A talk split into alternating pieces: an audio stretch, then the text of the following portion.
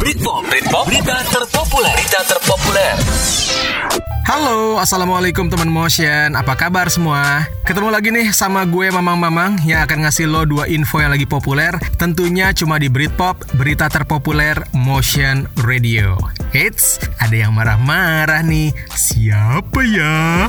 Berita terpopuler. Temen Motion, kemarin kan viral ya Gubernur DKI Jakarta Anies Baswedan marah-marah tuh di sebuah perkantoran. Karena pas sidak ternyata masih ada aja kantor yang melanggar aturan PPKM darurat. Katanya nih, Ibu perusahaan gak tanggung jawab Bukan masalah untung buntung Ini soal nyawa. Itu ibu hamil disuruh kerja. Bapak tahu nggak kita nguburin banyak orang tiap hari gara-gara covid? Begitulah kira-kira. Padahal kan aturannya udah jelas ya Yang non-esensial harus kerja di rumah kecuali esensial sama sektor kritikal yang diizinin untuk tetap ke kantor. Nah, untuk kantor-kantor yang masih nekat bandel maksa karyawannya ke kantor, terutama yang non-esensial nih, siap-siap aja diproses hukum. Karena Polda Metro Jaya udah menindak dua perusahaan di luar sektor esensial dan kritikal yang melanggar PPKM darurat.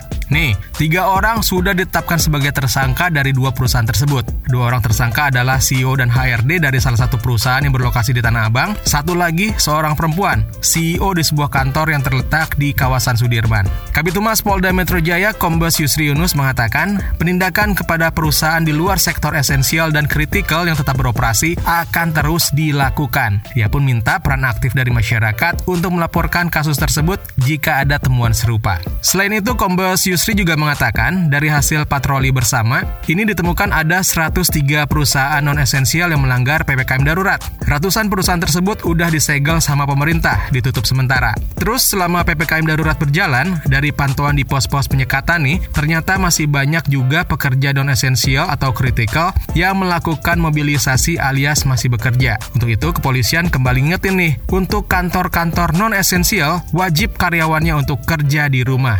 Ingat ya, kerja! Jangan malah kelayapan gak jelas lu pada. Berita terpopuler. Right, teman motion, Britpop selanjutnya, ini Kementerian Kesehatan angkat suara nih soal banyaknya keluhan dari warga, terutama warganet nih, terkait platform telemedicine untuk konsultasi dokter dan obat gratis bagi yang lagi isolasi mandiri alias isoman. Jadi kan awalnya program konsultasi virtual ini dirilis lantaran makin banyak nih pasien COVID-19 yang menjalani isoman di rumah. Bisa jadi karena statusnya OTG atau hanya gejala ringan aja. Kemenkes mengklaim pasien COVID-19 yang menjalani isolasi mandiri bisa dapat konsultasi dan obat gratis, yaitu lewat telemedicine tadi. Tapi, ternyata banyak yang komplain tuh di medsos. Yang paling banyak keluhannya adalah obatnya nggak gratis atau kudu bayar. Nah, soal komplain ini, Direktur Pencegahan dan Pengendalian Penyakit Menular Kementerian Kesehatan yaitu Ibu Siti Nadia Tarmizi mengatakan obatnya gratis kok, sampai biaya anternya juga gratis. Mungkin nih ya, mungkin si pasien belum lakuin tes PCR atau antigen, atau tesnya bukan di laboratorium yang gak terafiliasi sama Kemenkes. Karena ternyata salah satu syarat untuk mendapatkan konsultasi dan obat gratis dari telemedicine, ya si pasien harus tes di laboratorium yang udah jadi rujukan Kementerian Kesehatan. Selain itu, Bu Nadia juga bilang kalau program ini baru tersedia di Jakarta aja, jadi belum sampai ke daerah lain. Terus alurnya gimana nih kalau mau dapat konsultasi sama obat gratis? Nah, dengerin ya. Pertama, pasien harus melakukan tes PCR atau swab antigen di laboratorium yang terafiliasi dengan Kementerian Kesehatan. Kalau hasilnya positif dan lab melaporkan hasilnya ke database kasus positif COVID-19 di Kementerian Kesehatan, maka pasien akan menerima WhatsApp dari Kementerian Kesehatan secara otomatis. Adapun yang dimaksud kasus positif adalah pasien yang memiliki hasil positif tes PCR dari tujuh hari ke belakang atau tes swab antigen positif dari dua hari terakhir. Terus selanjutnya, pasien bisa konsultasi secara daring dengan dokter di salah satu dari 11 platform layanan telemedicine secara gratis. Caranya gampil. Tinggal klik link yang ada di dalam pesan WA dari Kemenkes. Terus masukin deh kode voucher di aplikasi yang dipilih.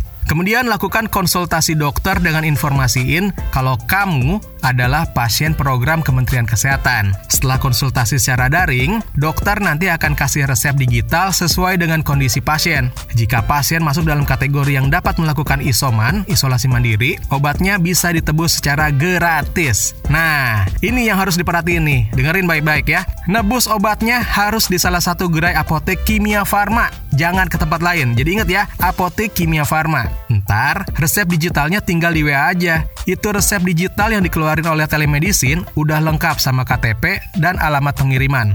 Obat sama vitamin dijamin ditanggung oleh Kementerian Kesehatan sesuai dengan ketentuan. Terus, lo nggak usah repot juga mikirin kurirnya gimana. Semua udah tinggal beres sampai ke rumah.